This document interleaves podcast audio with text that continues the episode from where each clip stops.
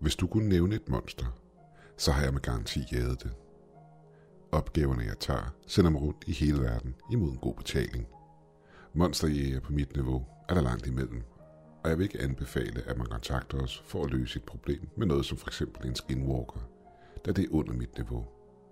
Men selvfølgelig, hvis jeg er inde i en lidt tør periode med hensyn til arbejdet, kan jeg godt finde på at tage et af disse job. I forhold til mine kollegaer, der er inden for samme branche, så er jeg ikke tilknyttet en organisation. Jeg er mere en slags freelancer. En slags privat mand med len. På et tidspunkt blev jeg så god til mit arbejde, at mine kollegaer begyndte at kalde mig Reaper. Men de kan også bare kalde mig Lance. Det betyder ikke noget for mig. Kælenavn betyder ikke det store for mig.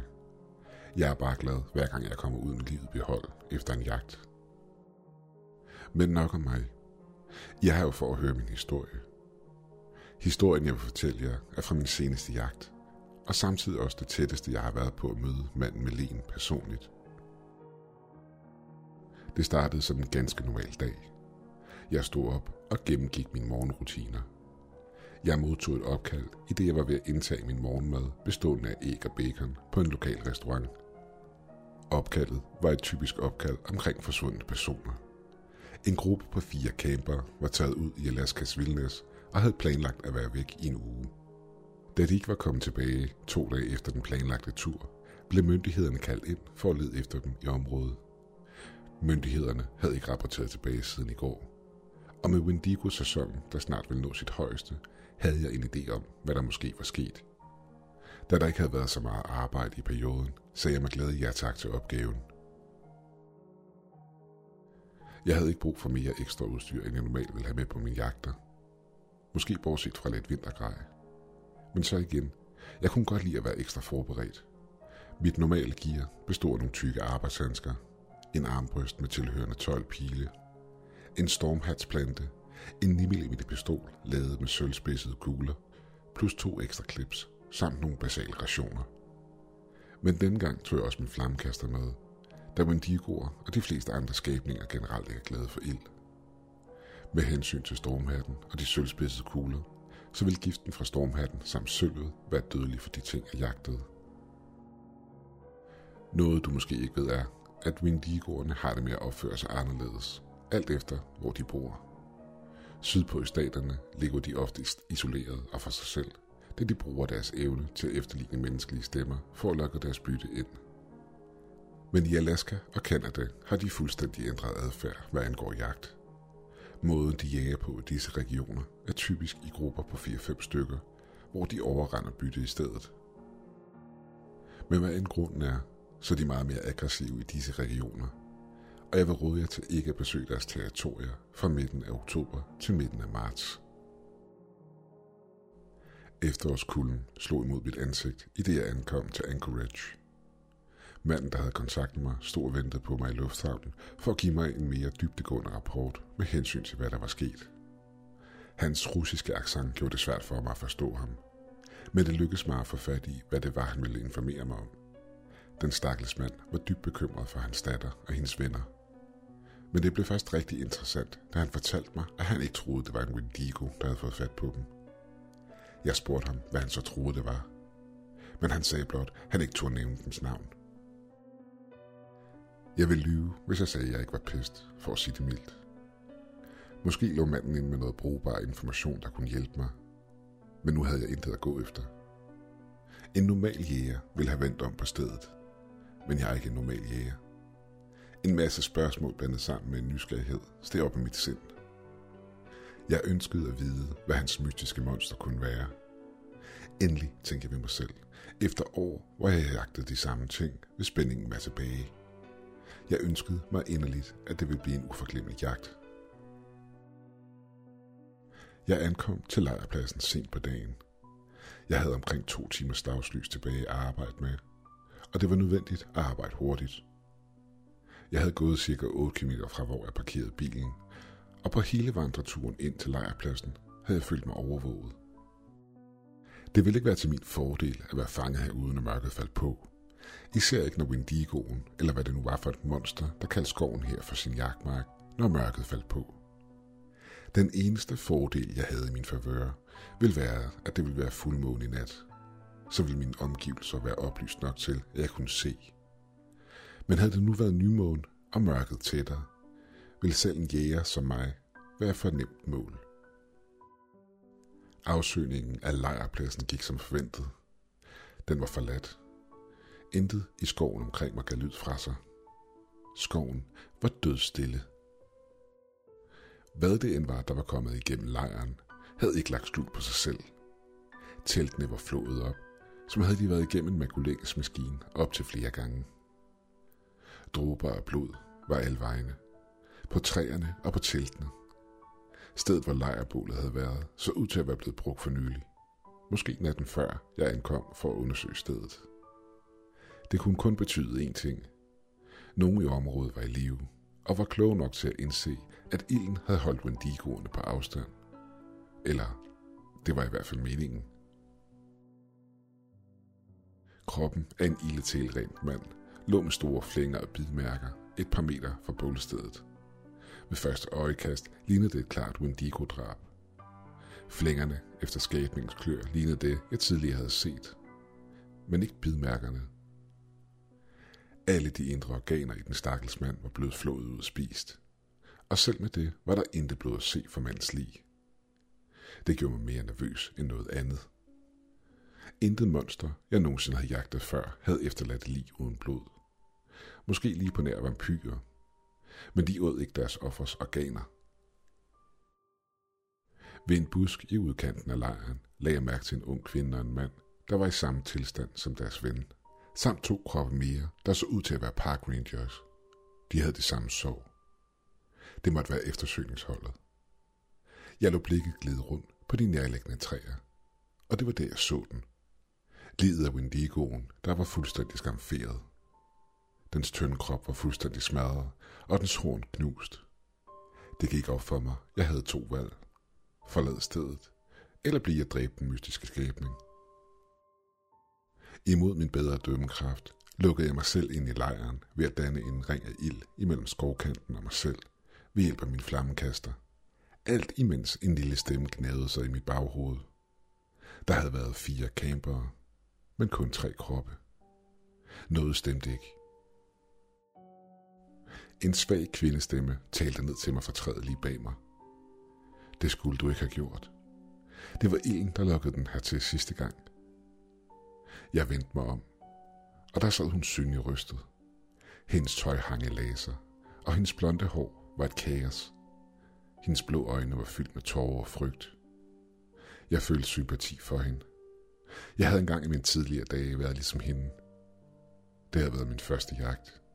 En vareuld havde jagtet mig op på et gammelt forladt loft, og jeg havde været klar til at se døden i øjnene.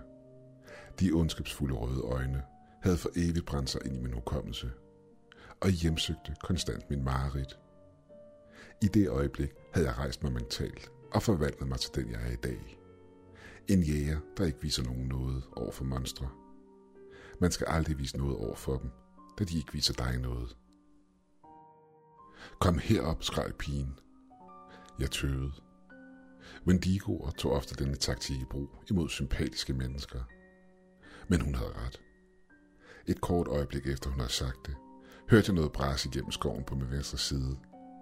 Det var overnaturligt hurtigt. Grenene knækkede, og grænnålene knasede, i det de blev kvæst under skabningens vægt. Væsenets skridt blev højere og højere, i det det nærmede sig. Jeg kravlede hastigt op i træet, selvom det var svært med alt mit grej. Men jeg havde ikke råd til at efterlade noget af det på jorden. På en eller anden måde lykkedes det mig at hive mig selv op på en gren. Jeg gætter på, at ren viljestyrke, kombineret med den adrenalin, der bliver produceret på baggrund af rendykket frygt, kan hjælpe ind igennem en hvilken som helst fysisk udfordring. Pigen begyndte at skrige, i det et massivt bæst væltede ind i lysningen. Det lykkedes mig at række over og dække hendes mund til. I lysningen under os stod en massiv ulv. Hvis jeg skulle gætte, ville jeg sige, at den var omkring 2,5 meter i højden fra skuldrene og ned. En svag brise blæste igennem dens tykke hvide hår.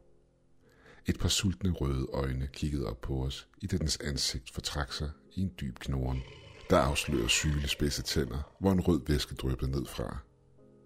Det dybe hyl, der fyldte nattestilheden, var øredøvende. Nej, det var noget mere. Det var primalt og kommanderende. Ulven vandrede rundt om ildringen og trådte igennem, efter den havde været hele vejen rundt. Dens pels havde på ingen måde taget skade af flammerne. Ulven blev, til månen stod på sit højeste. Alt imens den hele tiden stirrede ind i min sjæl med sine ondskabsfulde røde øjne. På et tidspunkt kunne jeg i det fjerne høre noget bevæge sig igennem skoven et stykke væk. Det blev kort tid efter efterfulgt af et skrig fra en Wendigo, hvilket fik ulven til at forsvinde. Med mit kendskab til disse monstre, så vidste jeg, at den ville vende tilbage. Den ville se os begge døde. Men hvorfor havde den ikke allerede dræbt os? Den kunne med lethed have væltet træet med os i det. Vi var et nemt måltid. Den kunne sågar springe op til os med sine kraftfulde benmuskler og gribe fat i en af os og hive os med ned. Imens jeg sad og overvejede vores muligheder, spurgte pigen mig for første gang om noget i over en time. Hvorfor er du her? En russisk fyr kontaktede mig for at finde ud af, hvad der var sket med jer, svarede jeg. Men et bedre spørgsmål er, hvordan overlevede du? Så Nathalies far har sendt dig, sukkede hun. Jeg overlevede, fordi de døde. Den tingest fik næsten fat på mig. Men til mit held fik den kun fat i min jakke, og jeg nåede i sikkerhed heroppe. Jeg har siddet her i tre dage. Jeg kunne se tårne presse sig på. Heldigvis havde jeg min rygsæk med mig. Jeg hævde noget tørret kød og en drikkedruk frem og gav hende det. Her. Du har mere brug for det, end jeg har. Hvad hedder du? Stille, men taknemmelig greb hun tingene og begyndte at spise og drikke. Jeg ved det ikke er meget, men jeg skal nok passe på dig. Hendes stemme lød opløftet i det, hun sagde. Mit navn er Gillian. Og tak. Jeg troede, jeg skulle sulte ihjel heroppe. Jeg hader at skulle spørge dig om det her. Men hvad ved du om ulven? Det, det er en wahila, svarede hun. Min ven Johns bedstefar fortalte os om den. Beklager, det, det er alt, jeg ved. Shit, tænkte jeg ved mig selv, imens jeg prøvede ikke at se bekymret ud. Hvilket jeg kunne se på Gillians ansigtsudtryk ikke virkede, i det jeg kunne se frygten i hendes øjne. Alle jæger, der nogensinde er blevet sendt efter en wahila, er aldrig kommet tilbage. De er toppen af den kryptide fødekæde i Nordamerika. Lige meget hvor lang tid det tager dem, så får de altid deres bytte. Hvilket betød også, når den kom tilbage. På dette tidspunkt har ingen kunnet dokumentere dens evner. Det var kun ren spekulation med hensyn til, hvad den kunne. Jeg har med egne øjne set, hvordan den efterlader sit offer. Og medmindre du har et dødsønske, så gå aldrig efter en wahila. Hvad er der galt, spurgte hun, i det hun ville vide, hvad sådan en som mig kunne være bange for. Det er ingenting, løg jeg, til ingen verdens nytte. Du kan lige så godt sige det. Enten så slipper vi herfra i live, eller så dør vi, svarede hun, med den samme ild i øjnene, jeg havde haft i mine unge dage. Okay, så fortæller jeg dig det. Men du vil ikke kunne lide svaret. Jeg er en af de bedste jægere, der er. Men så god en jæger, som jeg er, så god andre jæger, som mig er, er der ingen, der nogensinde er vendt tilbage efter en jagt, hvor Wahilaen var målet. Underligt nok lagde det ikke en dæmper på hendes optimisme. Hendes vilje til at leve brændte stærkere end ringen af ild under os, hvilket antændte en ild ind i mig. Jeg måtte få os levende ud herfra. Hvem siger ikke, at du er den første, sagde Gillian bekræftende til mig. Hun mindede mig så meget om den kvinde, jeg havde startet hele min jagtkarriere for. Da jeg var 19 år gammel, tog min kæreste og jeg på campingtur i Appalachiebjergene. En skinwalker rev hende fra mig, og jeg svor at hævne mig. Jeg ved, det lyder som en dårlig filmkliché. Men det er en kliché af en grund. Vi mennesker har et drive for at hævne os for vores kære. Den skinwalker endte med at blive den anden skæbning, jeg dræbte lige efter varulven. Det var et slags ritual. Efter at have taget den skinwalkers liv, vidste jeg, at der ingen vej tilbage var. Men her var jeg så syv år senere, i selskab med en, der gennemgik nøjagtigt det samme, som jeg havde. Måske har du ret, svarede jeg hende. Jeg kunne mærke, at jeg nu mere end nogensinde før var fokuseret på at komme herfra i live. Jeg åbnede en af lommerne i min rygsæk og tog et par handsker frem. Da jeg havde taget handskerne på, åbnede jeg en anden lomme og tog forsigtigt stormhatteplanten frem. Ved at bruge resterne, der var tilbage af vandet, destilliserede jeg den, der hvor helien kan lugte selv den mindste smule af den. Jeg dyppede forsigtigt en af pilene til armbrysten i væsken og satte mig til at vente. Vi havde kun én chance, inden den massive uld ville regne ud, hvad det var, vi havde gang i, hvis den ikke allerede vidste det. Jeg vendte mig mod Gillian og fortalte hende, at hun skulle tage min 9 mm, og lige meget hvad hun så eller hørte, så skulle hun være stille. Hvis noget skulle ske med mig, så skal du løbe alt, hvad du kan. Bare slip væk herfra og ud af skoven. Jeg kan muligvis købe dig lidt tid. Hun nikkede forstående. Det varmede mit hjerte at vide, at mindst en af os ville overleve natten, selvom jeg ikke ønskede at dø. Hvad der føltes som flere timer gik. Ilden under os var for længst gået ud, og solen var på vej op. Pludselig hørte vi den. En Wendigo var på vej mod lysningen, og efter den desperate lyd, den lavede, kunne vi høre, at Wahilien var lige hælende på den. I samme øjeblik, Wendigoen trådte ud i lysningen, ville det være slut. Og som forudsagt, sprang Wahilien på den i samme øjeblik, den var fri af træerne. Det her var min chance. Jeg affyrede armbrysten. Et direkte hit. Pilen borer sig ind i den massive ulds skuldre, i det den flåede store kødsår i Wendigoens krop. Den sprøl ekkoede igennem skoven, så det lød som om, at selve skoven var i smerte. Den kraftige gift skulle bruge et par minutter for at arbejde sig igennem Wahiliens massive krop, der langsomt kravlede væk. Wendigoen var stadig i live, og lod et højt hyl af vrede undslippe den, i det den kravlede hen til foden af vores træ og begyndte at kravle op. Inden jeg kunne nå at lade armbrysten igen, hørte jeg et højt brag bag mig. Mellem øjnene på Wendigoen var et rygende hul. Den bevægede sig ikke mere, bortset fra et par spjæt.